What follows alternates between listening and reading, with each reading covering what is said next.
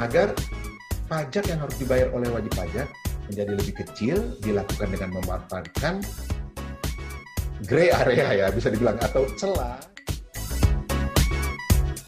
Kalau pajak bikin kamu nggak bisa tidur, kami punya solusinya. Jangan khawatir. Kembali lagi pada hari ini, saya Novan yang akan memandu acara podcast Tech History, di mana pada kesempatan hari ini kita bertemu lagi dengan Bapak Konstan dari Tech History. Halo Pak, gimana kabarnya Pak? Halo Mas Nova, puji Tuhan masih sehat.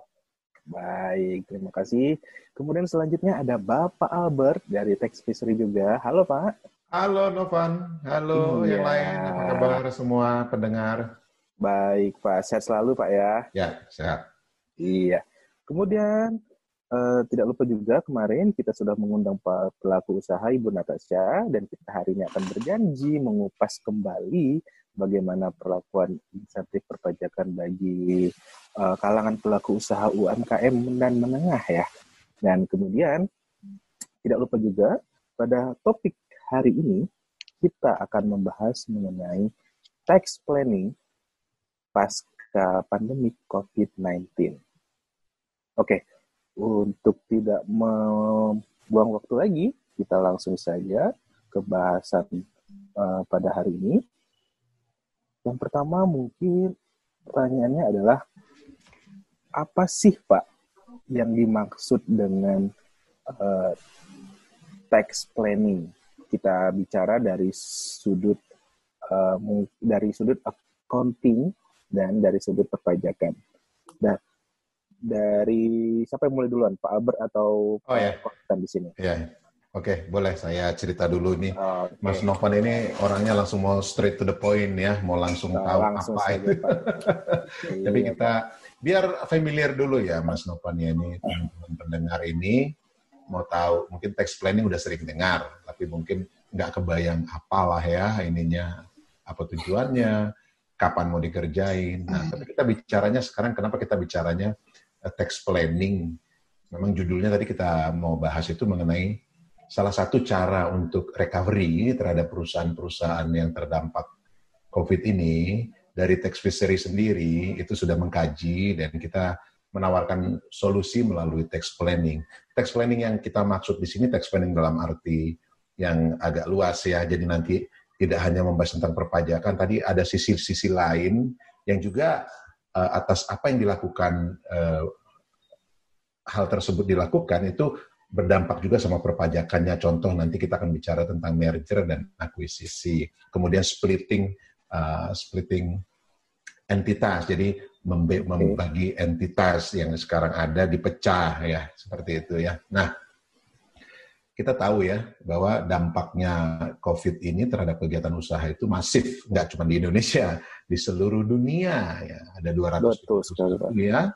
Jadi kan sama lah yang apa yang dialami mereka sama yang dialami kita. Pada dasarnya kan setiap kegiatan usaha yang terdampak COVID ini ya kita bisa eh, bedakan dari mulai dari usaha kecil, usaha menengah sampai usaha yang paling besar. Minggu lalu kita udah bicarakan tentang insentif kepada perusahaan yang mungkin levelnya besar. Seperti sekarang hadir lagi ini ya, Mbak Natasha ya kemarin agak protes itu kenapa yang dipikirin kok perusahaan besar. Tapi jangan khawatir Bu, ini ada eh, informasi di ujung acara ini nanti saya kasih tahu informasi yang menyenangkan buat Ibu. Tapi Baik. mengingat Ibu sendiri tadi kemarin, eh, seingat saya Ibu bilang bahwa Ibu punya PT di usaha Ibu, jadi kan sudah melakukan pembukuan. Maka cocok sekali saya dan Konstan itu sudah membuat sebuah skema untuk recovery perusahaan pasca COVID ini dengan eh, skema tax planning. Jadi tax planning itu pada dasarnya adalah sebuah bagian ya, bagian dari eh, unsur dari salah satu tax avoidance sebenarnya. Jadi gini, di pajak itu ada yang hal yang dilarang sebenarnya itu adalah eh, tax avoidance, tax negligence, tax evasion dan tax crime. Tax avoidance ini menghindari pajak. Tax negligence bisa dibilang menyepelekan pajak lah, masa bodoh lah dengan pajak. Kemudian tax evasion itu mengelak, mengelak, mengelak pajak. Dan tax kriminal udah jelas pidana pajak. satu unsur yang bisa dikatakan sebagai tax avoidance itu ada namanya tax planning.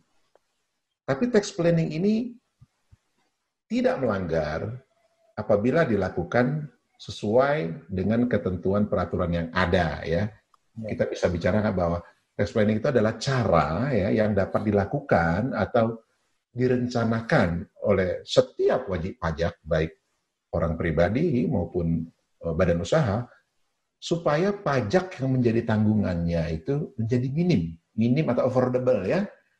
Kecil, affordable, minim seminim-minimnya tanpa ini penting tanpa melanggar peraturan perpajakan yang berlaku atau kita sebut juga cara menghindari pajak tanpa melanggar melanggar peraturan perpajakan. Nah, kata-kata menghindari pajak ini yang tadi saya sebut bahwa ini sebenarnya masuk dalam satu apa? Suatu uh, rumpunnya tax avoidance. Mungkin dari Mas Konstan bisa nambahin.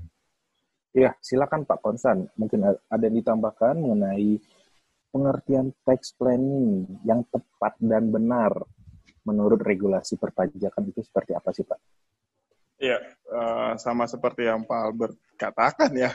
Sebenarnya tax planning itu mungkin teman-teman di luar sana melihatnya kalau tax planning ini bayar pajak kecil ya. Hmm. Tapi harus diperhatikan juga, ada memang ada cara kebijakan yang legal yang seperti Pak Albert katakan tadi, uh, tapi bukan bayar pajak kecil bukan berarti melanggar aturan. Jadi simpelnya adalah mudah untuk mudah memahaminya teman-teman memahaminya adalah membayar pajak yang affordable tapi sesuai aturan yang berlaku. Gitu Mas Novan. Oke, baik. Jadi istilahnya adalah bagaimana sih strategi bisnis perusahaan dalam menekan angka ya kita bisa bilang meminimalisir ya, meminimalisir pajak yang terutang tanpa nah ini yang penting tanpa uh, istilahnya tanpa me melanggar batas undang-undang perpajakan itu sendiri. Betul, betul. Ya, itu ya poin pentingnya seperti itu. Ya, jadi uh, Mas Novan, uh, saya yakin juga Mbak uh, Natasia uh, pernah dengar ya kata-kata tax planning. Jadi um, sebenarnya tax planning ini dalam konteks untuk recovery ini ini hanya satu cara ya hanya salah satu cara saja. Mungkin banyak cara lain untuk melakukan uh, recovery supaya tetap bisa terus berjalan usaha nanti ketika COVID sudah selesai. Tapi kita melihatnya bahwa ternyata tidak bisa dipisahkan apa pun yang dilakukan untuk untuk me, apa, me, menyelamatkan kegiatan usaha tersebut apa pun yang dilakukan perbuatan-perbuatan hukum atau tindakan-tindakan yang nantinya dilakukan, misalnya contohnya nanti melakukan splitting entitas, melakukan merger dan akuisisi misalnya, dan termasuk termasuk yang paling tidak menyenangkan adalah melakukan PHK, itu pasti semuanya berdampak juga dari perpajakan. Jadi makanya kita sini sangat sangat uh, tertarik saya untuk menyajikan hal ini kepada para wajib pajak itu. Mas Novan. Baik, terima kasih Pak infonya. Kemudian kita lanjut, kita ngomongnya pada saat wabah COVID-19 ini Pak ya.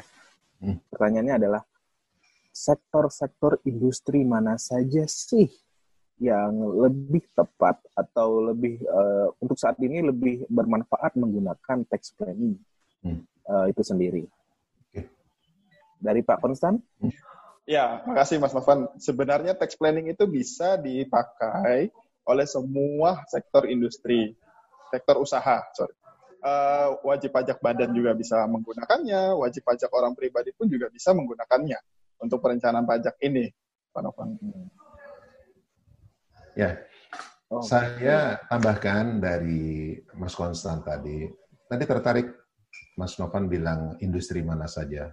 Tadi sudah dijawab oleh Konsen bahwa tax planning ini dilakukan tidak hanya kegiatan usahanya yang industri. Kegiatan jasa, perdagangan, itu juga dapat menggunakan tax planning. Nah, jadi umumnya orang baru menyadari akan melakukan tax planning ketika dia sudah berjalan usahanya usahanya udah mulai bagus, mulai ramai, ya kan. Yang penting cari uang dulu, untung dulu, survive dulu, baru dia melakukan tax planning. Nah, sehingga mungkin akan banyak adjustment penyesuaian di sana. Sedangkan kalau dia sudah memahami dari awal, tax planning ini bisa dilakukan dari pertama dia mau bikin usaha. Saya ingat di minggu di episode 1 kita bilang kan bahwa untuk menggunakan tax uh, memanfaatkan tax planning itu bisa dilakukan ketika pertama kali kita mau bikin usaha contohnya yang tidak kena PPN, misalnya tidak kena PPN. Bisa ya. bisa. Saya malas nih kalau PPN. Kenapa? Karena kalau PPN itu yang saya dengar repot ya, rempong ya. Kalau ada PPN-nya, oke. Okay. Kita tax planning gimana? Kalau kita memahami peraturan, maka kita lihat, oh ya, ada tuh kegiatan usaha yang dikecualikan dari pengenaan PPN. Ada ya, namanya negative list. Jadi dia kena tidak kena PPN. Lah, saya bisnis usaha itu saja. Contohnya kayak gitu kan. Jadi dia aman kena PPN. Atau saya ini kepengen usaha itu nggak usah ditagih-tagih pasal 25 bulanan karena saya sering lupa. Kalau saya lupa, tiap bulan itu saya justru kena sanksi administrasi. Ada dua, ada sanksi administrasi, ada dendanya. Ya kan? Karena tiap bulan saya tidak membayarkan pajak bulanan saya PPA pasal 25. Saya pengennya sekali saya bayar tiap bulan, udah saya nggak usah lagi mikirin lagi di akhir tahun. Boleh, gunakanlah namanya fasilitas UMKM, yaitu PP 23 tahun 2018. Di sana setiap kegiatan usaha dengan penghasilan itu tertentu atau omset terbatas ya nilainya tertentu di 4,8 miliar ke bawah, maka dia dapat menggunakan PPh final. Dia bayar saja berapa omset tiap bulan, kalikan setengah persen, itulah yang dia bayar tiap bulan. Terakhir akhir tahun seperti sekarang, akhir sebelum menyampaikan SPT ini, dia tidak usah bingung-bingung lagi. Nggak ada lagi PPh pasal 29 atau PPA eh, kekurangan yang harus dia bayar akhir bulan ini. Begitu, Mas Nova. Baik, terima kasih, Pak. Hmm. Nah, mungkin di sektor restoran yang Ibu Natasha alami, ada yang ingin ditanyakan, Bu? Iya, terima kasih, Mas Novan. Ini berhubung tadi uh, Pak Albert sudah uh, bilang tadi terkait dengan tax planning, ini pas banget kan Pak, karena saya juga baru mulai kebetulan yeah. usahanya baru tiga bulan gitu. Sekarang uh, masuk bulan keempat berarti. Mm-hmm. Nah, untuk di awal itu mungkin pengeluaran saya yang paling besar pastinya di sewa tempat. Mm-hmm. Karena saya tempat yang sekarang dijadikan restoran itu bukan yeah. beli, tapi saya yeah. sewa. Mm-hmm. Itu agak besar juga mengingat lokasinya juga di Jakarta Selatan. Mm-hmm. Nah, eh, yang saya mau tanyakan itu dengan biaya sewa yang saya bayarkan itu kira-kira dari sisi perpajakan uh, pajak-pajak apa sih yang bisa Dikurangin. dikecilkan gitu yeah. pak? Uh, gitu. Ya gimana pak? Kalau langsung aja saya jawab. Salah satu yang uh, mbak Natasha bayar atau wajib penuhi memang adalah sewa sewa atas ruangan. Itu kan 10% ya mbak Natasha ya. Memang mm -hmm. kalau terhadap sewa seperti itu uh, tidak tidak bisa dikurangi kecuali memang dari nilainya sendiri. Artinya gini, pada saat kesepakatan sewanya berapa nilainya, gitu kan? Ya kalau bisa dibilang begini, Mbak Natasha kan pilihan untuk mendapatkan tempat itu bisa sewa langsung, ya di luar beli ya Mbak ya karena memang tadi Mbak bilang itu kan mahal saya sewa. Bisa juga kerjasama, lagi pinjam pakai Mbak, pinjam pakai boleh. Kalau ada hubungan baik bisa. Saya lihat dulu yang pertama yang pertama itu kalau kita sewa, otomatis nilai sewanya 10% itu dari nilai yang disepakati antara pemilik bangunan dengan Mbak Natasha. Kalau mungkin di situ sebulannya 15 eh, juta, let's say segitu ya, 15 juta tiap bulan, ya sudah. Maka total nilainya saya sewa langsung 2 tahun, 2 tahun kali 15, kali, let's say berapa lah, 300, 300, 300 juta lah ya, 300 juta ya kali 10 persen langsung. Nah, itu cara pertama. Jadi kan tinggal nawar-nawar ya, jangan segitulah. Misalnya gitu kan. Yeah. Jadi kecil mengecilkannya ya hanya berdasarkan kesepakatan pokoknya berapa nilai sewa sesuai masa sewa yang Mbak Natasha perlukan. Yang kedua, Baik. tadi adalah dengan mengajak kerjasama. Ya kan? Kalau kerjasama kan jelas. Saya punya usaha bisa dijual, Anda juga pengen punya tempat. Hmm. Ya kita kerjasama bagi hasil. Otomatis dia bisa jadi menyediakan tempat, Mbak Natasha yang mengelola bagi hasil. Bisa-bisa kita nggak bayar sewa, kan ya kan kayak gitu ya. Kita nggak bayar sewa. Yang ketiga adalah pinjam pakai. Tapi kalau pinjam pakai ini kan memang eh, boleh secara perdata, hukum perdata boleh. Tapi umumnya yang wajar ya pinjam pakai itu kalau ada hubungan baik bisa jadi kita pinjam pakai. Tapi kalau yang penting kita benar keadaan itu sebenarnya. Kalau pinjam pakai memang pinjam pakai. Kalau sewa sewa. Jangan bilangnya sewa tapi bikin perjanjiannya pinjam pakai. Pinjam pakai.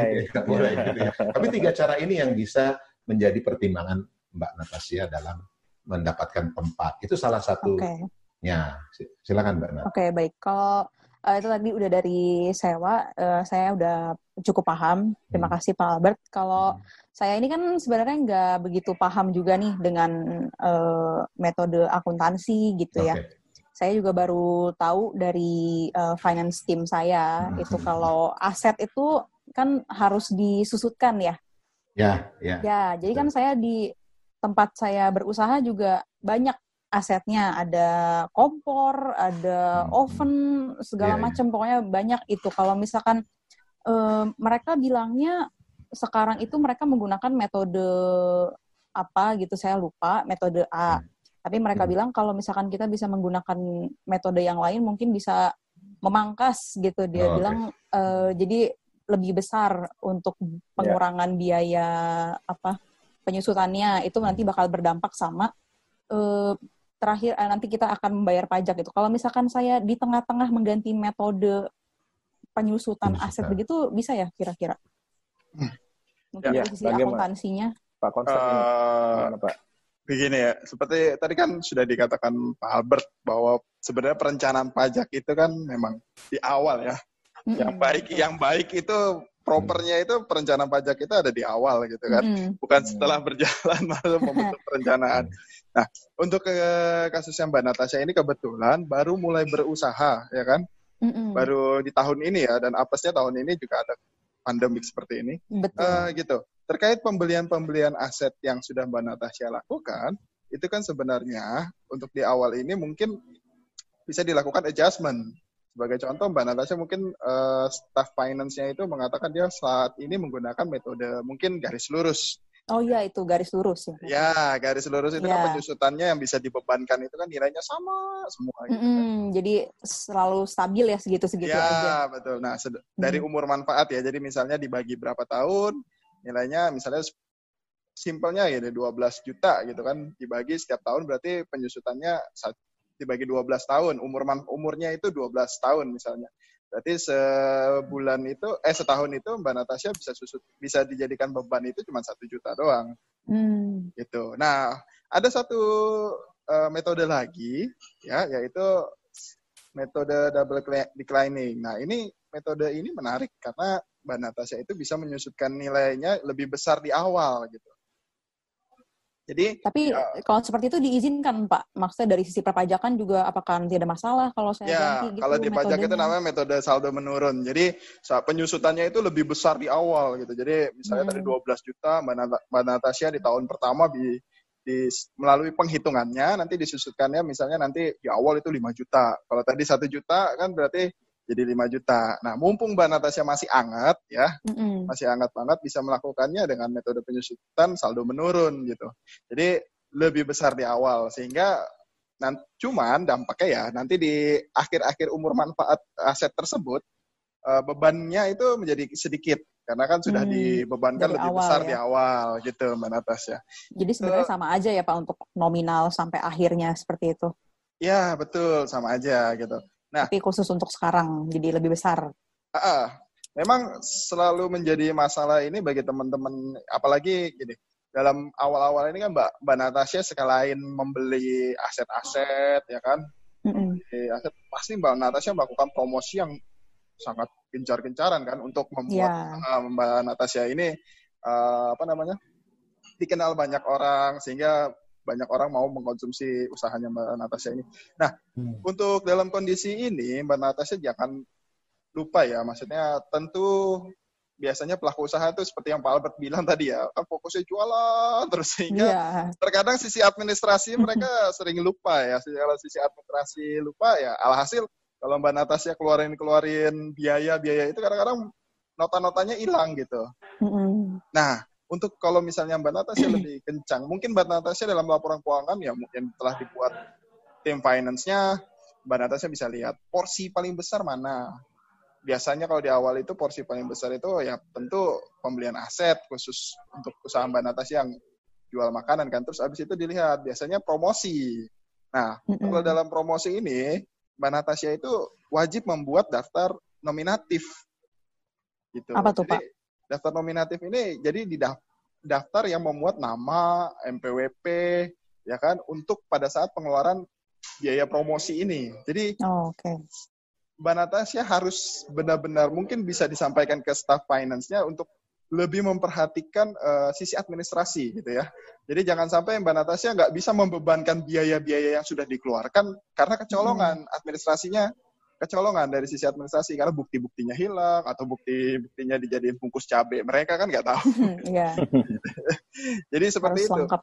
Ya, eh, jadi emang buat bukan buat Mbak Natasha doang ya, maksudnya buat teman-teman pendengar yang lain dalam ber- berusaha, eh, sisi administrasi itu memang sering kecolongan yang selama ber- selama pengalaman kita sering kecolongan karena bukti pendukungnya tidak ada gitu. Seperti yang tadi Mbak Natasha ini Pak Albert bilang kan sewa menyewa gitu.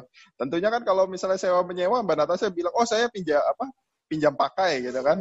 Pinjam pakai karena ada hubungan baik. Tentunya pinjam pakai hubungan baik ini kan harus tertulis gitu. Dari mana Iya. tahu orang pajak ini pinjam pakai hubungan baik, hubungan apaan gitu kan? Mm-mm. Hubungan as- Jadi eh, Harus ada buktinya lah gitu ya. Ya, benar. Ma- Makanya eh, Mbak Natasha harus eh, setiap transaksi yang ada harus diidentifikasi. Transaksi ini terutang pajak apa, objek pajaknya apa gitu ya. Terus jenis Mm-mm. pajaknya Betul. apa gitu. Terus jangan sampai salah potong gitu. Mbak Natasha Iya. sewa menyewa dipotongnya PPh pasal 23 padahal itu masuknya PPh pasal 4 ayat 2 Hmm. Gitu ya. Baik Memang kalau jangan sampai maksudnya Mas Konsan tadi jangan sampai kecolongan karena kan memang kemarin ini kan banyak napi-napi dilepaskan. Mm-mm. Jadi jangan sampai Mbak Natasha Benar, kecolongan Pak. juga ya. Serem banget itu. Ah, Indonesia emang keren ya. bahaya apa bahaya itu, Pak. Baru terjadi nih ya Mm-mm. napi-napi dilepaskan. Negara lain enggak? Oke. mungkin mungkin napinya disuruh nangkap covid kali pak ya, ya mudah-mudahan napi-napinya ikut kegiatan sosial ya, membantu iya relawan ya. ya betul baiklah ya buat semuanya Hmm. Ya. Oke. Selanjutnya, kita juga ingin tahu nih Pak, pada saat wabah eh, pandemik yang sedang melanda saat ini dan setelahnya nanti, paskanya nanti, jenis atau pilihan konkret tax planning ini untuk eh, segala sektor itu Pak. Mungkin kita lebih ngomong secara general ya Pak ya. Segala sini eh, sisi eh, sektor bisnis itu apa saja sih Pak jenis eh, pilihan tax planning yang tepat untuk Ya. saat eh, wabah seperti ini, Pak? Eh, kembali lagi, kalau kita lihat tadi sudah dijelaskan dari Mas Konsan dan dari Mbak Natasha ya sebagai Ya. Pelaku usaha yang terdampak COVID, saya memang lihatnya yang kasihan itu industri, eh, sorry, kegiatan usaha di bidang makanan ya. Betul, Ya, Pak. yang lain juga banyak lah ya, terutama restoran yang baru. Mm-mm. Untung saya nggak buka restoran, Bu. saya udah kemarin mimpi mau punya restoran hari di bulan Januari ya. Mm-mm. Jadi Kopi ya. Itu juga itu juga salah Iya. satu Oh ya, alasan apa apalagi alasan bisnis kita- kopi. betul. Iya. Itu juga salah satu alasan kita mengangkat pelaku usaha di di Restoran. sektor restoran Iya. ya, Pak. betul Karena Pendapatan ya? mereka itu 70% dari dine in Betul. makan di tempat dan Betul. 30% mungkin itu adalah Coba. delivery. betul. Betul, Bayangkan betul sekali Mas Novan. itu loh, Bayangkan bukan 30%. hanya usaha yang baru loh Mas Nova. benar. Usaha yang sudah besar ya kayak KFC gara-gara mereka Yes. mall ditutup. Kemarin saya baca berita 100 gerainya ditutup ngikutin mallnya. Kan itu bicara KFC, bukan KFC saja. Semua ya kan. Starbucks juga kan tutup produk. kan. Sebenarnya main-main ya. kalau kita bicara produknya. begini Mas Novan, ada sih sebenarnya yang hancur banyak. Ada juga Ya. peluang ke depannya. Terutama yang udah di depan mata itu kemarin waktu terbitnya uh, Perpu ya, nomor Perpu, Perpu nomor satu ya tahun 2020 kemarin ya, yang ya. Uh, tentang uh, Perpu COVID itu, pajak sendiri dari DJP sendiri sebenarnya punya peluang baru, yaitu kegiatan usaha di bidang yang saya saya pernah bilang kemarin minggu lalu itu gawai ya, yang kayak startup, startup yang kemudian memanfaatkan teknologi-teknologi itu adalah uh, wajib pajak wajib pajak baru yang akan mungkin dikejar oh. oleh DJP ya. Yeah. Oke, okay, kalau kembali lagi ke tax planning, kita balik pilihan pertanyaan apakah ke recovery iya, ini betul. selain ya tax planning tadi kita bilang kalau tax planningnya saja tadi Mas Novan udah eh, sorry Mas Konsan udah dijelaskan dari sisi pembukuan ya. Nah, sekarang apa saja yang bisa dilakukan lagi? Yang kedua adalah uh, mem, meng, apa, mem, oh, berarti pertama per, pertama tadi pembukuan Pak ya. Pembukuan. Ya, Jadi okay. ya. Bagaimana caranya saya tambahkan lagi mungkin tadi ada yang sedikit kekurangan biaya-biaya semua biaya yang bisa dimanfaatkan uh, untuk mengurangkan penghasilan. Apalagi kemarin banyak sekali uh, dari sisi CSR lah sebenarnya ya, dari ya. CSR-nya perusahaan itu membantu orang-orang uh, orang -orang yang butuh APD, yang butuh masker, glove, juga bahkan makanan keliling ya, bukan maksudnya makanan uh, di makanan bungkus gitu maksudnya. Dia keliling-keliling bawa makanan untuk dibagikan. Makanya saya bilang makanan keliling ya jadi di jalanan dikasih ya. Terutama yang katanya perusahaan unicorn tapi malah yeah. dapat bantuannya dari kita kita gitu ya. Udah ngerti ya maksud saya? Unicorn kok malah apa namanya pegawai-pegawainya atau uh, uh, karyawannya justru malah dapat dari masyarakat. Mitranya ya, ya mitranya. Agak, agak aneh ya kan. ya, kembali lagi kembali ke situ. Jadi itu yang yang yang yang bisa saya sampaikan bahwa kalau misalnya dia setelah pembukuan tadi eh, kita bisa rapikan, kita lihat lagi mana biaya yang bisa dijadikan eh, apa biaya pengurang atau 3M ya untuk biaya termasuk dalam memperoleh, kemudian memelihara dan menagih. Ya.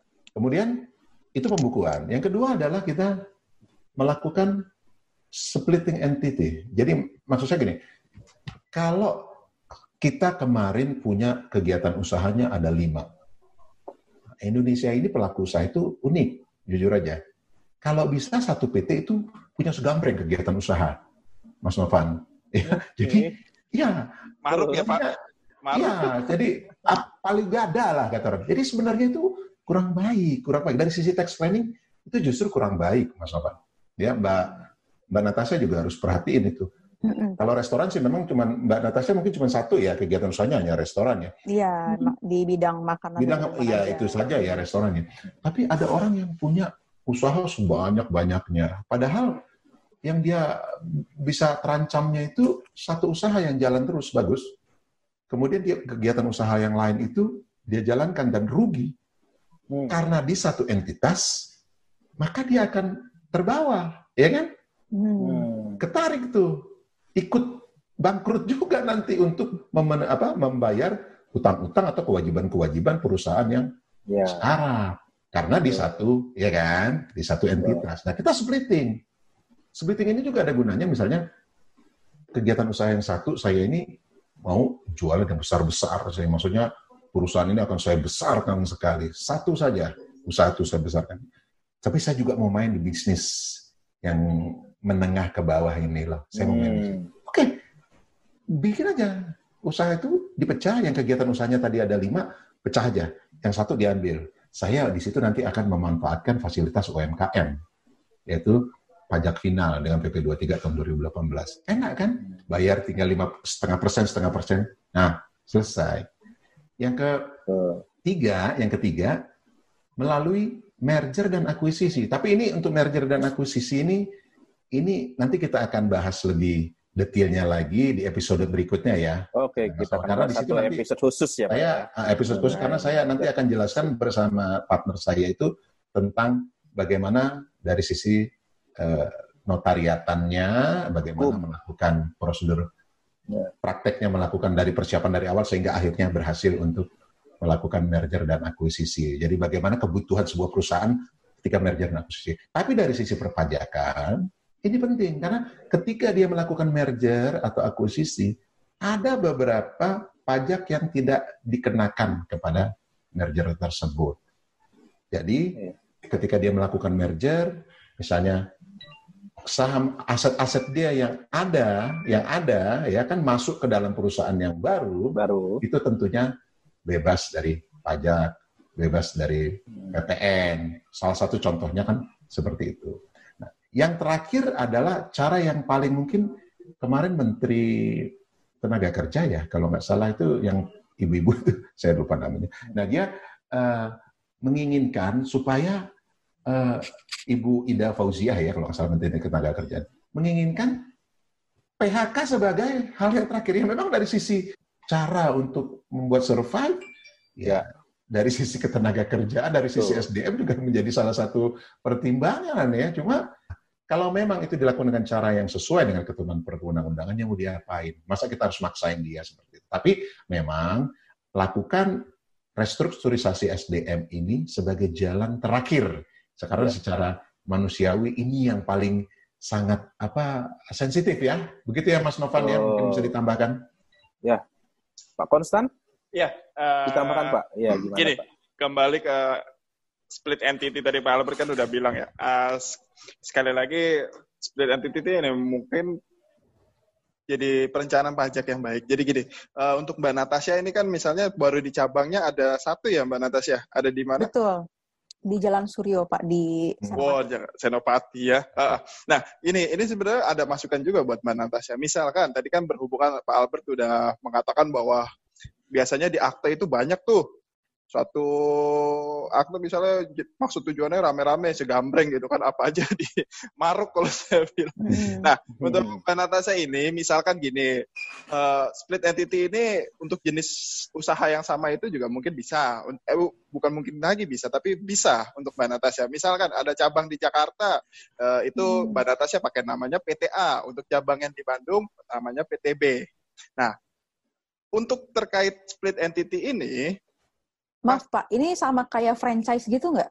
tipenya? Oh, beda. Oh, beda ya. Oh, beda. Okay. Jadi uh, semuanya di mbak dalam PT ada Mbak Natasha di dalam PT itu. Ada PTA, ada PTB, contoh PTA untuk cabang-cabang di Jakarta yang mengurusi urus di kota Jakarta, lalu PTB untuk yang di Bandung gitu. Oh, okay. Nah ini kan tujuannya sebenarnya arahnya Mbak Natasha itu kan mau, wah saya mau kena UMKM gitu, PPh final hmm. UMKM ya itu 0,5 persen. Nah ini kan memanfaatkan. Iya, menggiurkan ya kan kalau bayar 0,5 persen ini kan menggiurkan gitu. Nah kalau dalam posisi iya. ini Mbak Natasha juga bisa melakukannya, tapi pastikan uh, jangan sampai apa namanya barang-barangnya ini jadi gini, Mbak Natasha jualan produk yang sama, tapi karena customer taunya transfernya ke PTA, mm-hmm. akhirnya penjualan yang dilakukan PTB transfernya juga ke PTA. Oh ya. Yeah. Gitu. Jadi dari segi arus uang, uang. dan arus barang, Mbak ya, Natasha harus rapi. Hati-hati ya. Ya, penjualan baik, yang dilakukan baik. oleh PTA tetap harus melalui PTA. Penjualan yang dilakukan oleh PTB tetap harus melalui PTB. Jangan, cuma yang sering terjadi adalah kalau split entity teman-teman di luar sana tetap aja pakai PTA karena alasannya ya kan mereka udah tahu Pak Bu ini kan Pak taunya PTA gitu nggak mau pakai PTB repot gitu. Nah, apalagi transfernya langsung ke rekening pribadi lagi Pak ya. Biasanya tuh banyak gitu Pak. ya kalau nah, apalagi kalau transfer ke rekening pribadi, dampaknya apa kalau ditransfer ke PTA? Nah, kalau ditransfer ke PTA atas penjualan PTB itu menjadi omsetnya PTA. Sedangkan hmm. nanti PTA, wah nanti kan melalui saya dulu, nanti uangnya dibalikin lagi ke PT. Iya, kalau kayak gitu kan tetap ini Pak dilihatnya tetap punya PTA gitu apa gimana? Enggak, kan uangnya udah pindah.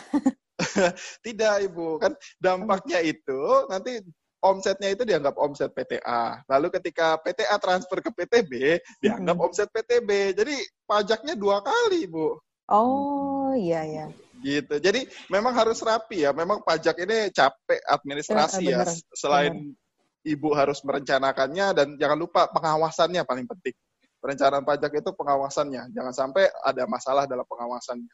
Sebenarnya yang paling simple ya kan pada saat ibu bikin MPWP itu kan udah ketahuan tuh. Biasanya ada daftar jenis pajak-pajak, ada PPh 21, PPh 22, PPh 23. Nah, itu juga orang pajak udah menuliskan kira-kira jenis pajak apa aja yang masuk di jenis usaha ibu gitu.